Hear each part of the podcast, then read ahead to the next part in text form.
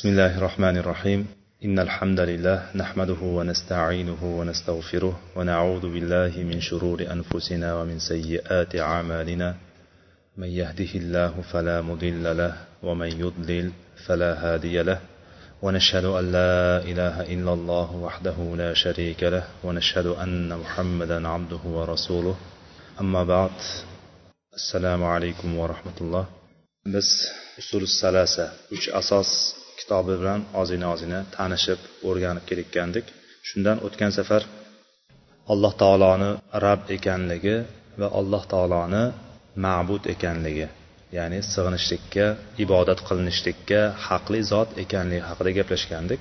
Va muallif rahimaulloh mana shu o'rinda endi alloh taoloni ibodat qilishlikka xos ya'ni alloh taologina ibodatga loyiq zot degandan keyin o'zi ibodat deganda nimalar tushuniladi nimalar ibodatga kiriladi kiradi mana shu haqda nima qildi so'z yuritdi va mana shu ibodat turlari haqida gapirdi muallif rahimaulloh aytdiki وأنواع العبادة التي أمر الله بها مثل الإسلام والإيمان والإحسان ومنه الدعاء والخوف والرجاء والتوكل والرغبة والرهبة والخشوع والخشية والإنابة والاستعانة والاستعاذة والاستغاثة والذبح والنذر وغير ذلك من أنواع العبادة التي أمر الله بها كلها لله والدليل قوله تعالى وأن المساجد لله فلا تدعوا مع الله أحدا فمن صرف منها شيئا لغير الله فهو مشرك كافر والدليل قوله تعالى ومن يدع مع الله إلها آخر لا برهان له به فإنما حسابه عند ربه إنه لا يفلح الكافرون ibodat turlari alloh taolo unga buyurgan ibodat turlari islom iymon ehsonga o'xshashdir ya'ni shular kabi ibodat turlaridir alloh taolo buyurgan ibodat turlari islom iymon va ehsondir Va shular jumlasidan ya'ni islom iymon ehson jumlasidan hisoblanadi. Duo xavf rajo tavakkul rag'bat rohbat xushu xoshiya inoba istiona istiaza istig'osa zabh va nazr. Ya'ni buni hammasini arabcha nomi bilan aytildi. Ya'ni ibodat turlari islom iymon va ehson dedi. Va o'shalarni jumlasiga kirar ekan duo qilishlik xavf ya'ni qo'rqishlik degan xavf degan. O'zimizda ham xavf xatar deymiz qo'rqishlik rajo umid qilishlik. Umid qilishlik ya'ni alloh subhana taolodan umid qilishlik. Nimani bo'lsa ham umid qilishlik. Yaxshi bo'lib ketishlikda kasal bo'lsa yoki kambag'al bo'ladigan bo'lsa boylik berishligini umid qilishlik. Ya'ni hamma narsaga umid hammasi mana shu rajo. Tavakkulni tavakkul bilamiz. Suyanishlik haqiqiy alloh subhana taologa suyanishlik tavakkul. Rag'bat o'sha narsa alloh taologa intilishlik bo'lsa bir narsani xohlashlik bo'ladigan bo'lsa rahbat bo'ladigan bo'lsa alloh subhana taolodan qo'rqib turishlik. Rahbat qo'rqishlik. Xushu xushu bilganimiz. Bu ham ya'ni xavf rohba xushu xoshiya hammasi bir biriga yaqin ma'no. O'zbek tilida hammasi qo'rquv deb tarjima beriladi. Lekin bir biridan arab tilida bir biridan nozik jihatlardan farq qiladi bir biridan qo'rqishlik turlari bu ham. Rahbat ham xushu ham ya'ni bo'ysunib alloh subhana taolodan nima turishlik qo'rqib turishlik. Xoshiya xoshiya qo'rqishlik bu ham qo'rqishlik bir turi xoshiya. Inobat degani alloh subhana taologa qaytishlik. Ya'ni hamma ishda nima? Alloh taologa qaytishlik. Istiona madad so'rashlik istiona. Iyyaka na'budu va iyyaka nasta'in. Nasta'in deganimizda sengagina ibodat qilamiz sendangina madad so'raymiz degan. Istiona. Istiaza degani panoh tilashlik. Biron narsani yomonligidan biron narsadan panoh so'rashlik. Istig'osa bo'lsa yordam so'rashlik. Istig'osa yordam so'rashlik. Va zabh so'yishlik. Qurbonlik qilishlik yoki umuman biron bir hayvonni so'yishlik. Tuyaga nahr ishlatilsa tuyadan boshqa chorva mollariga chorva hayvonlariga zabh ishlatiladi. Zabh degani mana shu tomoqdan kesishlik. Tuyaga nisbatan ko'kragini yuqori qismidan kesiladi bo'yni uzun bo'lganligi uchun o'sha ko'kragini pastki qismidan kesiladi shuning uchun uni nahr deydi. Fasolli li robbika vanhar deymiz robbingga oyatdagi robbingizga namoz o'qing va qurbonligingizda ya'ni shu tuyani so'yishligingizni robbingizga qiling degandagi mana shu yerdan kesishlik tushizadi nahr. Ba'zi olimlar mana shu nahrni qo'lni ko'krakni ustiga qo'yishlik deb olishgan shuning uchun. Namozda namoz o'qing namozda qo'lingizni ko'ksingizga bog'langiz degan ma'noni chiqarganlar bor shuning uchun. Nahr degani ko'krak ma'nosidan kelganligi uchun. Tushunarlimi? Ko'krakni usti degan bor bor shunaqa kelgan. Endi oyatdagini aytyapman aytyapman men nahr so'zini hadisda nahr so'zi kelmagan. Farq nahr haqida gapiryapmiz hozir. Va nazr nazr qilishlik bir narsani evaziga men shunday bo'lsa shunday qilaman deyishlik. Ya'ni o'ziga shart qo'yishlik. Shu narsa bo'lib ketadigan bo'lsa mana shu narsani qilaman deyishlik nazr hisoblanadi. Kasal bo'lsa tuzalib ketsam uch kun ro'za tutaman deydi misol. Mana shu ishim bitsin o'nta odamni taomlantiraman deyishi mumkin misol. Yoki ming so'm yoki ming dollar infoq qilaman deyish sadaqa qilaman deyishi mumkin mana bu nazr bo'ladi. Yoki mana shu ishim baroridan kelsin bir kun e'tikof o'tiraman deyishi mumkin. Endi ovom xalqni xalqni ichidan bunaqa narsalar chiqmaydi boshqa narsalarga o'qiladi. Demoqchi bo'lganim biz ibodatga keltiryapmiz. Asli nazr nazr ibodat bilan bo'ladi. Harom narsada nazr yo'q aslida. Harom narsada nazr yo'q. Allohga ma'siyat bo'ladigan o'rinda nazr qilinmaydi hech narsa. Nazr vafo qilinmaydi nazrga masalan bir kishi halmi ham bolamni uylaydigan bo'lsam dang'illatib to'y qilib hamma tomonni quyib tashlayman. Odamlar emaklab chiqib ketadi deydigan nazr qilib qo'ygan bo'lishligi mumkin. U nazrga vafo qilinmaydi. Allohga ma'siyat bo'ladigan allohga gunohkor bo'ladigan o'rinda nazrga vafo qilinmaydi. U nazr vojib hisoblanmaydi. Biz yuqorida aytganimiz masjidda e'tikof o'tiraman yoki uch kun ro'za tutib beraman yoki e, shunga o'xshagan narsa yoki ikki rakat namoz o'qiyman yoki ming dollar nima qilaman? Sadaqa qilaman deganga o'xshagan allohga yaqinlik hosil qiladigan narsalarda nazrga vafo qilinadi.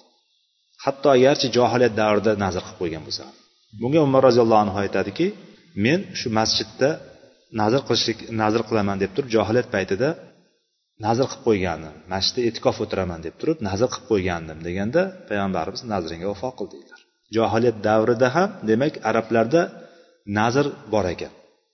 Nazr bor ekan o'sha bir narsaga atashlik. Bir narsa qilaman desa shu narsa chunki bu inson tabiatda bor narsa o'sha narsani islom biroz epaqayga keltirgan. Atrofidagi ortiqchalarini kesib tashlagan kamlarini to'ldirgan. Tushunarlimi? Va mana shunga o'xshagan ibodat turlarini hammasini ya'ni alloh taolo buyurgan ibodat turlarini hammasi demak mana shu jumladan hisoblanadi. Kullu halillah. Bularni hammasi ollohgagina xosdir. Ollohgagina sarflanishi kerak olloh uchungina qilinishligi kerak bu ibodatlar. Mana shunga dalil olloh uchungina qilinishligiga dalil alloh taoloni so'zi va annal masajida lillahi fala tad'u ma'allohi ahada. Jin surasida keladi. Albatta masjidlar ollohga xosdir. Ollohnikidir faqat ollohnikidir masjidlar. Bas shunday ekan olloh bilan birga yana bittasiga duo qilmanglar. Olloh bilan yana bittasiga iltijo qilmanglar. Olloh bilan yana bittasiga ibodat qilmanglar dedi alloh taolo. Va muallif rahimaulloh orqasidan aytyaptiki faman sarofa minha demak kimda kim? Shayan. Shayan mutloq ya'ni ibodat deb atalgan ibodat bo'ladigan biron bir narsa bor ekan o'shani birontasini lig'oyrillah ollohdan boshqasiga sarf qiladigan bo'lsa ollohdan boshqasi uchun qiladigan bo'lsa fahuva mushrikun kafirun dedi. U mushrik va kofirdir dedi. U mushrik kofirdir dedi. Ibodatda qaysi tur bo'lishidan qat'iy nazar? U badanimiz bilan qilinadigan ibodat u molimiz bilan qilinadigan ibodatmi yoki u qalbimizni ibodati bo'ladimi qalbimizda amali bo'ladimi qaysi bo'lishidan qat'iy nazar? Demak ibodatni turlari mana bo'linib ketar ekan. Badan bilan qilinadigan qalb bilan qilinadigan va molimiz bilan qilinadigan. Mana shu ibodatlarda har bitta ichidan qaysi bir bo'lishidan qat'iy nazar shuni ollohdan boshqaga qilinadigan bo'lsa ollohga qilaman deb turib bu ollohga yetkazadi deb turib yoniga bittasini qo'shayotgan bo'lsa u mushrik kofir bo'ladi dedi bunga dalil keltirdi oyatdan dalil keltirdiki muallif ومن يدع مع الله إلها آخر لا برهان له به فإنما حسابه عند ربه وإنه لا يفلح الكافرون dedi kimda kim ollohga ollohdan boshqaga olloh bilan birga deyapti olloh bilan birga ollohni tashlab qo'ymayapti u allohga ham ibodat qilyaptida allohni yoniga yana bittasini qo'yib turib o'shanga ham ibodat qilyapti. Allohdan boshqaga boshqa bir ilohga duo qiladigan bo'lsa iltijo qiladigan bo'lsa ibodat qiladigan bo'lsa o'zining huzurida hech qanaqa bir hujjati yo'q aslida. La burhana lahu bihi. Uni huzurida bironta hujjat yo'q. Allohga ham unga ham sig'ininglar degan bironta hujjat yo'q. O'shanday bo'la turib ollohdan boshqaga bir ibodat qiladigan bo'lsa olloh bilan birga ollohdan boshqaga ibodat qiladigan bo'lsa uning hisobi uning hisob kitobi o'shanga qanaqa hisob kitob berishligi robbisining huzuridadir. Inda robbihi robbisining huzurida uni hisob kitobi va orqasidan aytyaptiki albatta la yuflihul kafirun kofirlar najot topmaydilar deb turib ollohdan boshqaga olloh bilan birga ollohdan boshqaga duo qilayotgan iltijo qilayotgan ibodat qilayotgan kishini oyatda la yuflihul kafirun dedi kofirlar deb atadi shularni. Kofirlar najot topmaydi deb aytdi. Dalili mana shu. Endi bu ibodatlarni biroz tanishadigan bo'lsak ibodatlar lug'atda o'zi lug'atda arab tili lug'ati bo'yicha ibodat degani at tazallul tazallul degani o'zini past olishlik hokisor olishlik bo'ysunishlik degani. O'zini past olishlik degani. Shuning uchun namozdagi insonni eng yaqin bo'lgan allohga eng yaqin bo'lgan o'rni qaysi? Sajda. Sajdada inson eng aziz bo'lgan joyini yerga qo'yib turibdi. Inson sajdada eng aziz bo'lgan joyi eng o'ziga sharafli bo'lgan joyi bo'lgan burniyu peshonasini yerga qo'yib turibdi. Oyog'ini qo'yib yuradigan yerga qo'yib turib sajda qilyapti. Ya'ni o'zini past olganligini o'zini bo'ysunganligini oliy darajasini ko'rsatyapti. Shuning uchun alloh taolo eng yaxshi ko'rgan o'rin qaysi bo'ladi bandani? Sajda holati bo'ladi. Va sajdada qilingan duolar ijobatdir deb keladi qaytarilmaydi deb keladi. Shuning uchun sajdada duoni ko'paytiringlar deb keladi. Ya'ni insonni shuning uchun ba'zan sajda deb keladi. Va ikkinchi ulug' o'rni ruku. Insonni egilib turishligi. U ham nima qilyapti egilyapti egilganda nima qilyapti? Inson egilib turishligi o'zini hokisor ekanligini o'zini past ekanligini izhor qilishlik bo'lyapti. Bu lug'aviy ma'nosi bor. Tushunarlimi? Inson dimog'i ko'tarib dimog'ini ko'tarilib qolibdimi dimoq qayerda bo'ladi dimoq dimoq og'iz bilan burunni o'rtasidagi ichkaridagi qismi. Biz dimoq degan paytimizda ko'pincha mana shu iyagini ko'tarib iyagini ko'tarib yurishlikni aytadi. Inson sal o'zidan ketib qolsa nima qiladi? Dimog'i ko'tarilib qolibdimi deb qo'yadi yurganini ko'rib turib kerilib yuradiku. Kerilganda qayerni ko'taryapti? Dimog'ini ko'taryapti. Dimog'ini ko'taryapti o'sha dimoq ko'tarilgan dimoq pastga tushishligi bilan nima bo'lyapti o'zini xorligini olayotgan bo'ladi. Kimni yonida bo'lishidan qat'iy nazar bu lug'aviy ma'nosini aytyapmiz. Bandaga qilinadigan bo'lsa hali kelamiz. Bandaga o'sha sajdasini boshqa allohdan boshqaga qilib qo'yadigan bo'lsa shirk bo'ladi deb aytdik mana hozir. Shuning uchun maxluqlarni ya'ni insonlarni yonida kim bo'lishidan qat'iy nazar ortiqcha. Kim bo'lishidan qat'iy nazar ortiqcha egilib olishlikdan nima qilish kerak? Tiyilish kerak. Kim bo'lishidan qat'iy nazar tiyilish kerak o'shandan ortiqcha egilib olishlikdan. Ortiqcha egilib yuborishligi agar o'shani hurmatlab kim bo'lishidan qat'iy nazar ortiqcha egilib yuborishligi o'shani ulug'lashlik jihati bo'lib qoladigan bo'lsa bu nima bo'ladi? Ibodat ibodat qilib qo'ygan bo'ladi boshqasiga. O'shandan haqiqiy qo'rqqanidan yoki haqiqiy o'shandan bir narsani umid qilganidan bo'lib qoladigan bo'lsa o'shandan qo'rqqanligi u zarar bera oladi menga yoki o'sha menga manfaat yetkaza oladi foyda yetkaza oladi degan o'sha bevosita yetkaza oladi degan e'tiqodga borib qoladigan bo'lsa u mushrik kofir bo'ladi. Bu lug'aviy ma'nosi edi. Endi uni shar'iy ma'nosiga keladigan bo'lsak ibodat deb nimaga aytiladi?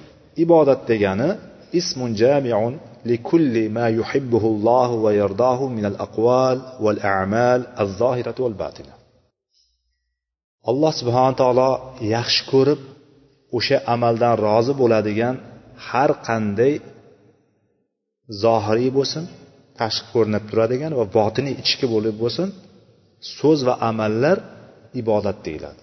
Ya'ni alloh taolo yaxshi ko'rib undan rozi bo'lgan zohiriy va botiniy so'z va amallar ibodat deyiladi. Demak alloh taolo rozi bo'ladigan narsa ibodat bo'ladi ekan. Shuning uchun ibodatni ruhi ikkita narsada bo'ladi. Ibodatni ruhi. Muhabbat bilan tazallul ikkalasi bo'lishligi kerak. Muhabbat ya'ni o'sha qilayotgan ishni inson sevib yaxshi ko'rib qilishligi kerak va o'zini past olib qilishligi kerak. Va yana bitta shartlari bor. Ibodatni qabul bo'lishligi shartlari birinchisi ixlos ikkinchisi shariatga muvofiq bo'lishligi.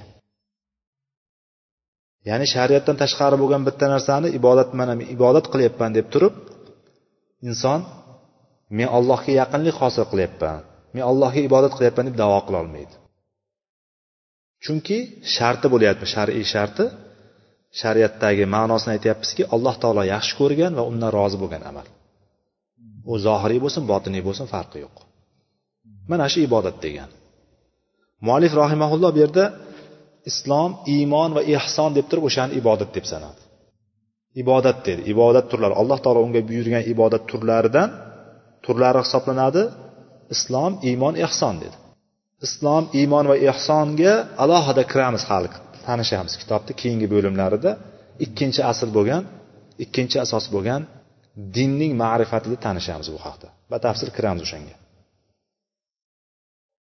Endi bu yerda aytyaptiki o'shalar jumlasidan duo xavf deb sanab ketyapti. Bugun ibodatni mana shu ulgurgunimizcha vaqtimizga qarab turib ba'zilar bilan tanish ba'zilar bilan tanishishga harakat qilamiz.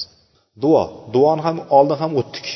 Duo nima ekanligini duoni aytdikki duo ikki xil bo'ladi ekan dedik. Bittasi so'rashlik bo'ladi bo'lsa ikkinchisi ibodat bo'ladi dedik endi bu yerda duoni oladigan bo'lsak duo bir narsani so'rashlik bir narsani talab qilishlik bo'ladi. Mana shu narsa duo deyiladi.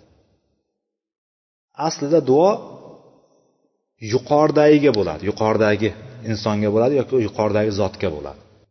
Ya'ni so'raysiz o'zidan pastdagiga buyruq bersangiz tepadagidan so'raysiz.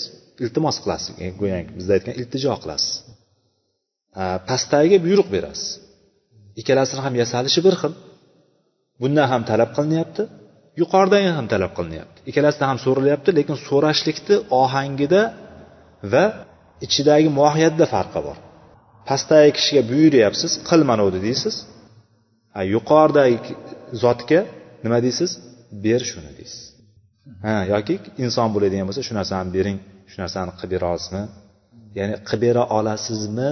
deb turib so'raladi. Buyruq ham emas iltimos iltijo bo'lyapti bu yerda ya'ni xuddi shunday farqi bor. Endi duoni qaranglar duo faqat ollohdangina so'raladi. Duo allohgagina qilinadi. Ya'ni duoni ibodat ekanligi so'raydigan mana naf foyda beruvchi naf beruvchi zarar beruvchi zot olloh ekanligini bilgan holatda duo qilinadi. O'sha narsani bilib turishimiz kerak duo qilayotgan paytimizda.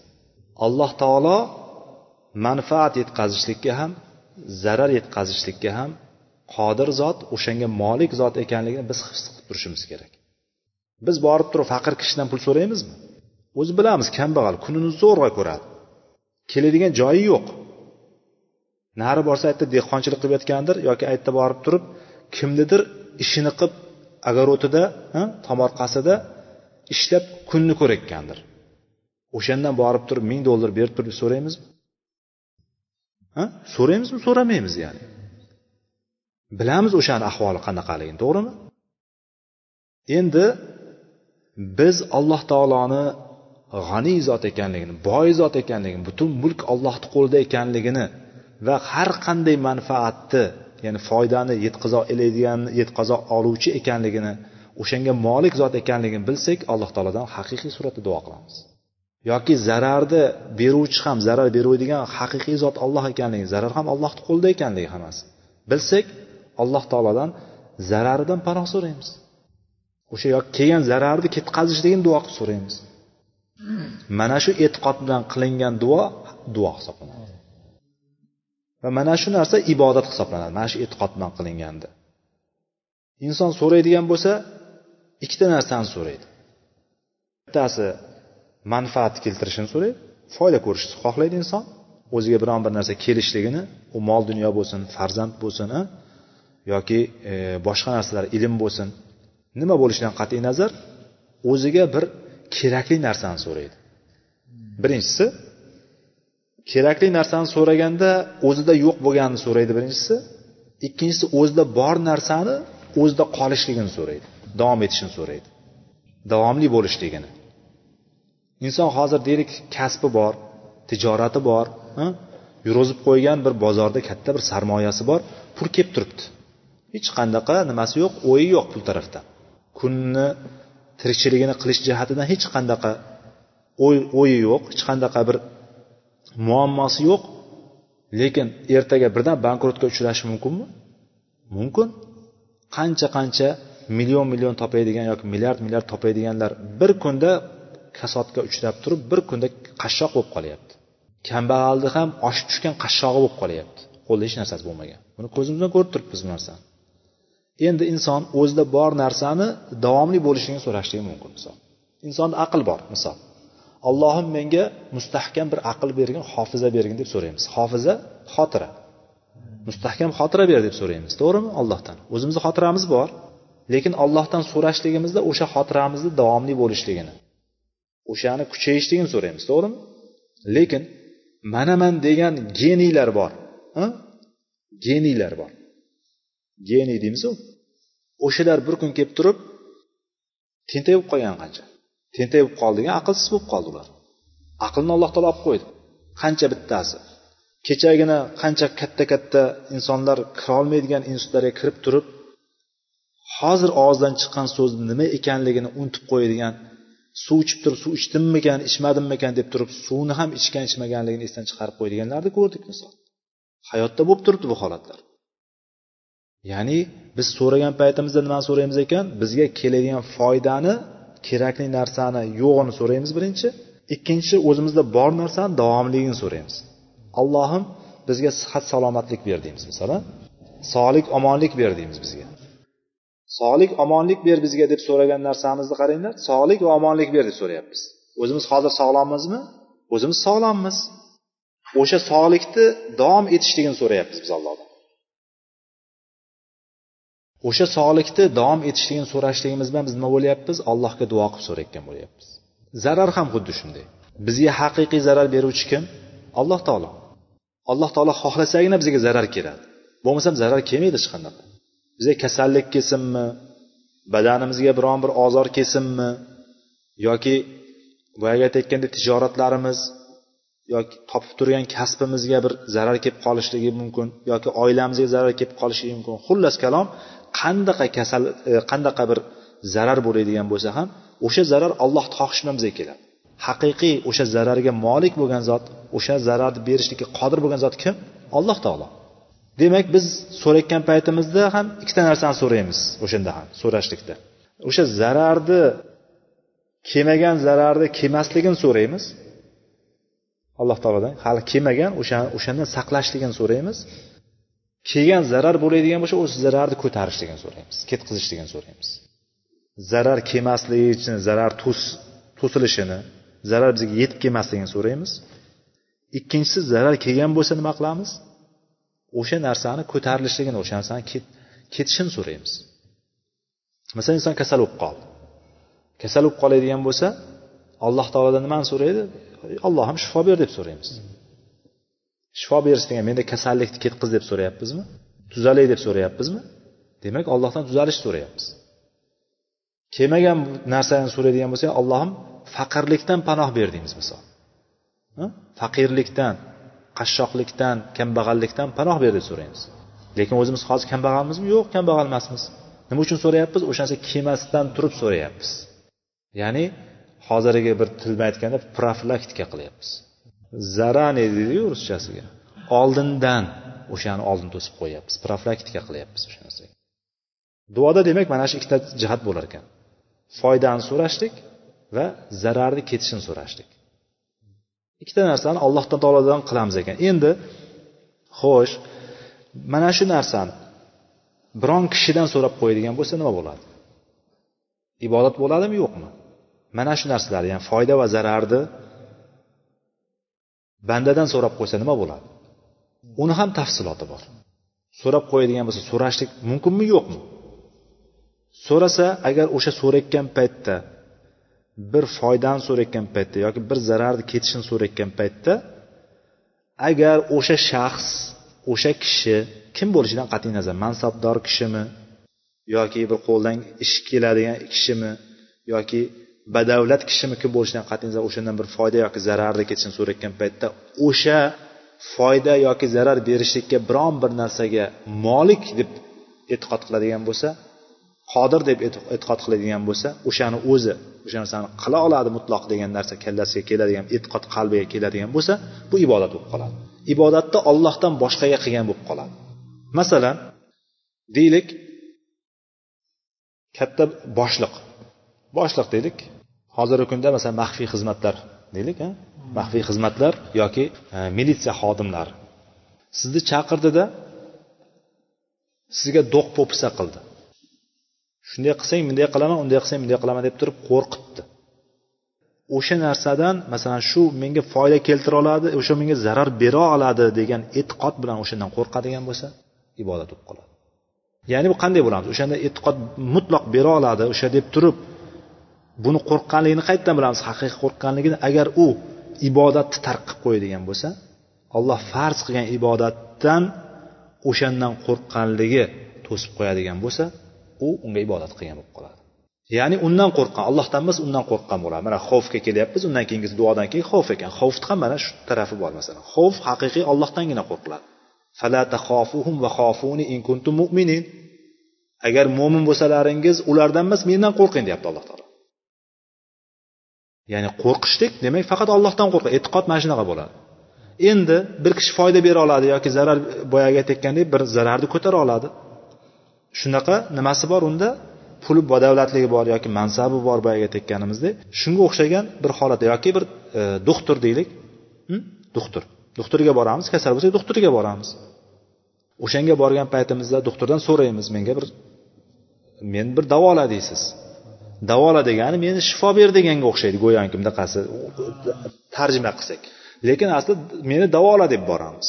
Shifo ber deyishlikni biz faqat allohga ishlatamiz aslida. Lekin borib so'rayotgan paytda ayni narsa bu ham. Arabchadan ayni narsa. Borib turib meni davola deymiz. Davola deydigan bo'lsak u tekshiradi tahlillar qiladi diagnozni qo'yadi. Diagnozni qo'ygandan keyin davolab boshlaydi. Ana endi o'sha davola degan paytida doktor doktorgina davoladi davolay oladi meni degan o'sha kasalimni doktor davolay oladi. Degan e'tiqod qalbiga kiradigan bo'lsa bu narsa ibodatni ollohdan boshqaga sarflashlik bo'ladi. Tushunarlimi? O'sha so'rayotgan narsasi ollohdan boshqadan so'rayotganligi kelib qoladi. Lekin doktor qo'ldan kelgan narsani qilyapti. Bu narsa ham ta'siri bo'lyaptiku desangiz to'g'ri ta'siri bo'ladi u narsani. Allohni izni bilan bo'ladi. Chunki shifoni faqat alloh taolo beradi. Bu narsa sabab bo'ladi degan e'tiqod bilan mana shu narsani qilishligim doktor o'sha narsani o'rganib tajribalar asosida shu narsani biladi. O'sha bilganiga ko'ra menga chora ko'radi. Kerak bo'lsa operatsiya qilishligi mumkin yoki e, boshqa bir narsalar qilishligi mumkin yoki dori darmon berishligi mumkin yoki ukol qilishligi mumkin boshqa qilishligi mumkin. Mana bular sabab bo'ladi. Alloh taolo shifo beradi deydigan bo'lsa joiz. Bu ibodat bo'lmaydi. Sabab bular. Bo'lmasam bir xil operatsiya deylik. Bir xil operatsiyadan bittasi o'ladi bittasi yashaydi. Nima sababdan? Ollohni xohishi bo'lyapti. Alloh taolo o'shandagi zararni ko'tarmayapti misol. Birinchi bittasidan u o'lyapti. Ikkinchisidan bu sabab bo'lyapti o'rtada qilayotgan kishi sabab bo'lyapti lekin o'shanga naf berayotgan foyda berayotgan zot alloh taolo. U yaxshi bo'lyapti. Demak mo'min kishini qalbida mana shu narsa bo'lishligi kerak.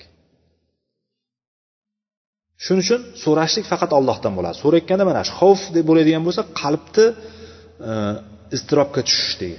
Xavf degani qalbni iztirobga tushishligi. Hozir xotirjammiz. Deylik xotirjam. Xavf xotirjamlik teskarisi insonni xotirjamligi ketib qoladi. Bezovta bo'lib qoladi.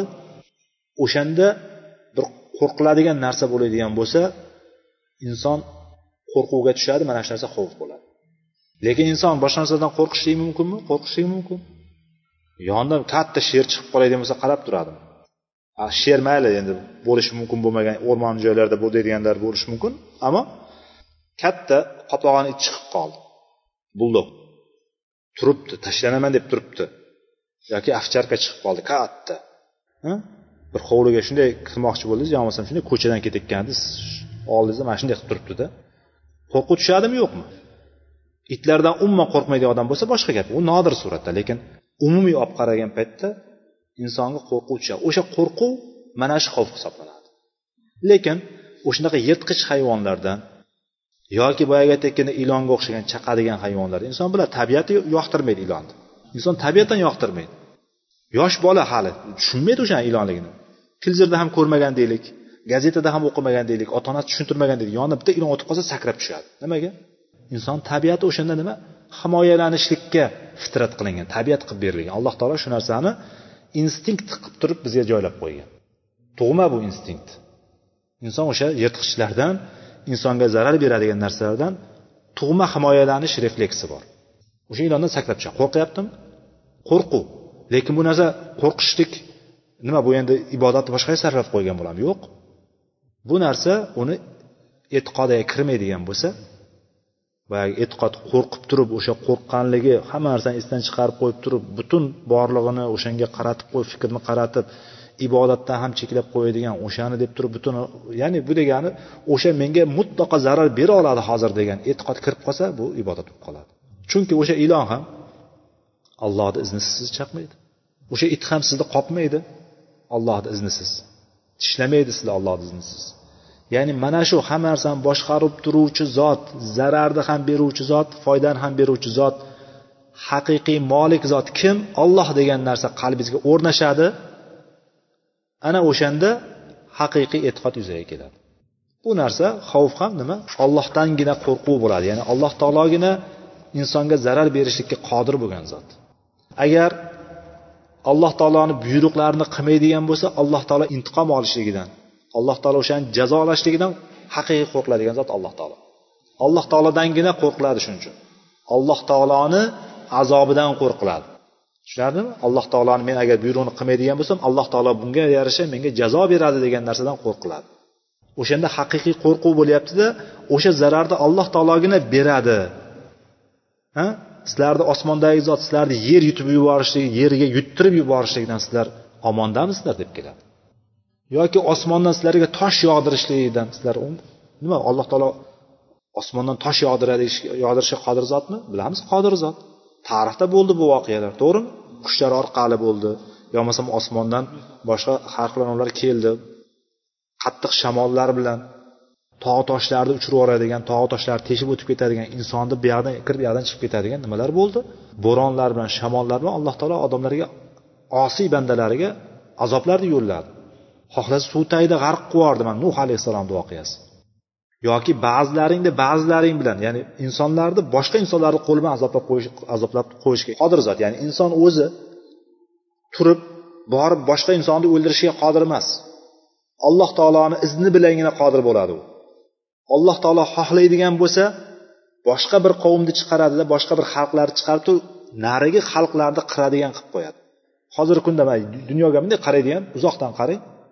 Uzoqdan qarang deganim shunday bir tasavvur qiling. Xabarlarni ochib qarang yangiliklarga bir qarang. Nima voqea bo'lib yotibdi? Odamlar bir birini go'shtini yeb yotibdi. Unisi bunisini o'ldirgan bunisi unisini o'ldirgan unisi unday qilgan bunisi bunday qilgan. Bu nimadan bo'lyapti? Alloh taoloni sunnati yerda joriy bo'lyapti. Agar alloh taolo o'shani xohlamasa u narsa bo'lmasdi. Bir birini o'ldirmasdi. Hamma bitta e'tiqodda bitta dinda bo'lib turib bir biri bilan opoq chapoq bo'lib yurgan bo'lardi. Lekin alloh taolo xohladi bitta qavmni chiqardida narigi qavmga nima qiladigan bo'ldi? O'shani ustidan hukmni o'tkazadigan qilib qo'ydi. Demak zararni kim beryapti? Haqiqiy zararni alloh taolo beryapti. Lekin bu kofirlar bo'lsin yoki boshqalar bo'lsin musulmonlarga zarar bera oladimi o'zidan o'zi zarar bera olmaydi. Lekin alloh taolo ba'zisini qo'li bilan ba'zisini azoblab qo'yishligi mumkin. Mo'minlar nimaga azob ko'ryapti bugungi kunda? Alloh taoloni buyruqlarini alloh taolo aytganligini haqiqiy o'sha narsani ushlamaganligidan dindan e'tiqoddan uzoqlashganligidan boshlariga mana shunaqa musibatlar kelib turibdi. Hali boshqani qo'lidan yoqdan turing hozirgi kunda bunday olib qaraydigan bo'lsangiz musulmonni qo'li bilan musulmonni qoni to'kilyapti hattoki. Ba'zi bir tavillar bilan ba'zi bir nimalar bilan ba'zi bir noto'g'ri fikrlar bilan. Lekin ikki tarafda ham zarar ko'rayotgan kishi kim bo'lyapti? Musulmon bo'lyapti. Ya'ni bu narsa biz alloh taoloni diniga haqiqiy qaytmagunimizcha bu narsa o'ynanmaydi chunki bu alloh taoloni sunnati bu. Alloh taoloni yerga qo'ygan sunnati alloh taoloni qonuni. Qonun o'zgarmaydi. Dunyodagi qonunlar o'zgaraverishi mumkin. Allohni qonuni o'zgarmaydi yerda. Xuddi shunday zararni kim berar ekan? Alloh taologina beradi. Haqiqiy zararni alloh taologina beradi. Demak sultondan boyagi aytayotgandek shu militsiya xodimi bo'lsin yoki maxfiy xizmatlar xodimi bo'lsin birontasi yoki o'shani boshlig'i bo'lsin sizni tutib kelib turib sizga tahdid qiladigan bo'lsa do'q po'pisa qiladigan bo'lsa siz hamma narsani yig'ishtirib qo'ysangiz undan qo'rqib turib o'sha menga zarar bera oladi ekan degan narsa e'tiqodga tushib qolib turib ibodatlarni yig'ishtirib qo'yib turib olloh saqlasin tadbir qilyapman deb turib namozlarni chekkaga qo'yib qo'yib turib ko'chada sigaretini chekib yurgan yoki ba'zi bir o'rinlarga to'ylarga borib turib mast qiluvchi ichimliklar ichib yurganlar ollohni yoniga qo'yib boshqadan qo'rqyapti va boshqaga ibodat qilib qo'yayotgan bo'lyapti. O'shalarni zarar berishligidan alloh taolo xohlasagina zarar beradi. Hadisda butun ummat avvaliyu oxiri hammasi bir joyga yig'ilib senga bir narsada foyda yetkazamiz deydigan bo'lsa foyda yetkaza olmaydilar magar alloh taolo senga yozib qo'ygan narsagina yetkazishi mumkin deydi. Xuddi shunday ummat avvalidan oxirigacha hammasi bitta bo'lib turibdi. Tasavvur qiling hozir sizni qarshingizda butun dunyo turibdi. Mana shu hozir masjidda o'tirgan bo'lsak shunday chiqsak butun inson qo'ying mayli butun insonni qo'yib turing mana shu mana shu yerda aholisi mana shu shaharda hamma aholisi to'planib turgan bo'lsa qo'lida topgan qurol aslahasi bilan sizga qarshi turgan bo'lsa. Tasavvur qilyapsiz endi? Hozir tasavvur qildikmi? Topgan qurol aslahasi bilan. Pichog'i bormidi avtomati bormidi nimasi bo'lishidan qat'iy nazar hamma sizga qarshi turgan bo'lsa o'sha yerga chiqqan paytingizda. Lekin bular kam. Aytayotganda avvali ham oxiri ham hammasi butun ummat ya'ni butun insoniyat hammasi sizga qarshi yig'ilgan bo'lsa sizga bir narsada zarar yetkazaman deydigan bo'lsa yetkazisha olmaydi. Faqat alloh taolo xohlagan sizga yozib qo'ygan o'sha yetib keladigan zararni yozib qo'ygan narsa bilangina kelishi mumkin u narsa. Bu narsani payg'ambar sollallohu alayhi vasallam bizga xabar berganlar. Oyatlar hadislar bizni mana shu narsaga dalolat qiladi. Bizni mo'min kishini e'tiqodi mana shunday bo'lsagina najot topadi. Mo'min kishini e'tiqodi iymoni ibodatdagi o'rni mana shu yerga keladi mana shu o'ringa keladi ana o'shanda iymoni komil bo'ladi. Ana o'shanda ibodatni keyingi turlari rajoga o'tadi. Faqat ollohdangina umid qila oladigan bo'ladi. Umidni faqat ollohdangina qiladi. Haqiqiy faqat ollohgagina suyanadigan bo'ladi. Tavakkulni faqat ollohgagina qila oladi. Sabablarni ushlab sabablar ushlamasa bo'lmaydi ekan degan e'tiqodga borib qolmaydi. Sabablar ushlanadi. Lekin sababni ushlolmagan odam tamom bo'ldi degani emas bu. Qo'lida hech narsasi yo'q bo'lgan kishi men bo'ldi tamom bo'ldim deya olmaydi. Demaydi agar mo'min bo'ladigan bo'lsa. Allohgagina suyanadi. Hamma sababni ushlagan narsa men tamom bo'ldi endi. Men yutdim deya olmaydi. Bu ham nima bilan bo'ladi? Alloh taoloni xohishi bilangina u yutadi.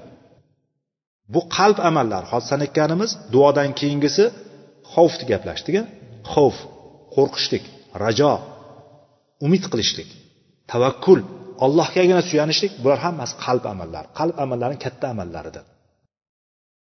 Xavf va rajo ollohdan umid qilishlik. Rajo xavf ollohdan qo'rqishlik. Ollohni azobidan qo'rqishlik. Ollohni rahmatini umid qilishlik.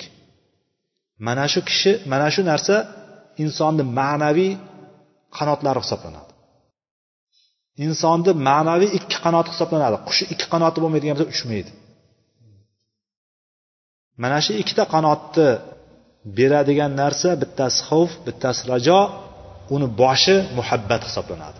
Ana o'shanda mana shu narsa bo'ladigan bo'lsa uchalasi jamlanadigan bo'lsa insonni adashmasdan to'g'ri yo'lga to'g'ri marraga uchib bora oladi. Tavakkulni faqat allohgagina qilamiz. Sabablarni ushlaymizmi? Sabablarni ushlaymiz. Sabablar zotan bunday olib qaraydigan bo'lsa badaniy amal hisoblanadi. Tavakkul esa qalb amali. Ikkalasi bir biridan farqli bu farqi joyi bor. Qalb amali boshqa badan amali boshqa. Badan bilan qilingan amalni qalbga aralashtirmaymiz. Badan bilan amalni qilamizda qalbni faqat allohgagina suyanishga qo'yib qo'yamiz. Allohgagina tavakkul qilamiz. Haqiqiy suyanishlik. Bunda boyagida aytgandek rajoni kishiga umid qilsa bo'ladimi?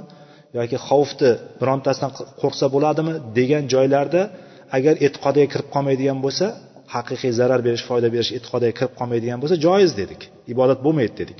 Lekin tavakkul faqat allohgagina qilinadi birovga tavakkul qilinmaydi birovga suyanilmaydi. Kishi puliga suyanish kerak emas. Kishi mansabiga suyanishligi kerak emas. Kishi sog'ligiga suyanishlik kerak emas. Kishi quvvatiga suyanishlik kerak emas. Tavakkul nimaga bo'lyapti? Biz sababga suyanib qolganmiz aksariyat paytda. Sababga suyanishligimiz bizni toydiradi. To'g'ri yo'ldan toydiradi. Toydirganda ibodatni ollohdan boshqaga qilib qo'yishligimizga olib borib qo'yishligi mumkin agar e'tiqodimizga kirib qoladigan bo'lsa. Inson kasbim bo'lmaydigan bo'lsa men ishlamasam och qolaman degan e'tiqod qalbiga singib e'tiqod qilib qoladigan bo'lsa ibodatni allohdan boshqaga qilib qo'yayotgan bo'lishi mumkin nauzubillah. Inson yekkan narsasini yeydi bir narsani agar men kuchli ovqat yemaydigan bo'lsam yiqilib qolaman. Kuchli ovqatgina meni saqlaydi qolmadim tik qiladi deydigan bo'lsa bu ham e'tiqodni boshqaga qilib qo'ygan bo'ladi. Demak bu bizni haqiqiy e'tiqodimizga amalimizga teskari bo'lgan narsalar ekan. Bu narsalarni biz nima qilishligimiz kerak? Ko'ra olishligimiz kerak shu narsani tavakkul. Demak tavakkul faqat alloh taologagina qilinadi ekan. Mana shu o'rinda demak e, qalb amallaridan tavakkul oxiri gaplashgan gapimiz umumiy qisqacha gapirib ketyapmiz bu yerda. Ya'ni tafsilotiga kirmayapmiz. Juda tafsilotiga kirmayapmiz. Umumiy ma'lumot olishlik va kitobdan foyda olishlik maqsadida yengil sharh qilyapmiz kitob yengil tanishgan bo'lyapmiz. Shuning uchun ya'ni bu haqda chuqur va uzoq uzoq darslar qilsa bo'ladi. Inshaalloh kelajaklarda balki kelajakda balki bu e, mavzularda alohida alohida to'xtalarmiz. Lekin hozir mana kitobimizni mavzusidan juda uzoqqa chiqmagan holatda mana shu bilan kifoyalanamiz. Keyingi darsda inshaalloh ibodatni qolgan turlarida ham qisqacha gaplashib turib kitobimizni o'sha mana shu aytgan ibodat turlarini sanadiku muallif rahimaulloh o'shalarni har bittasiga qur'oni hadisdan dalillar keltiradi. O'shalar bilan davom etamiz. Subhanakallohim bihamdik. Ashhadu an la ilaha illa anta astag'firuka va atubu ilayk. Vallohu alam. Va axiru da'vana anil hamdulillahi robbil alamin.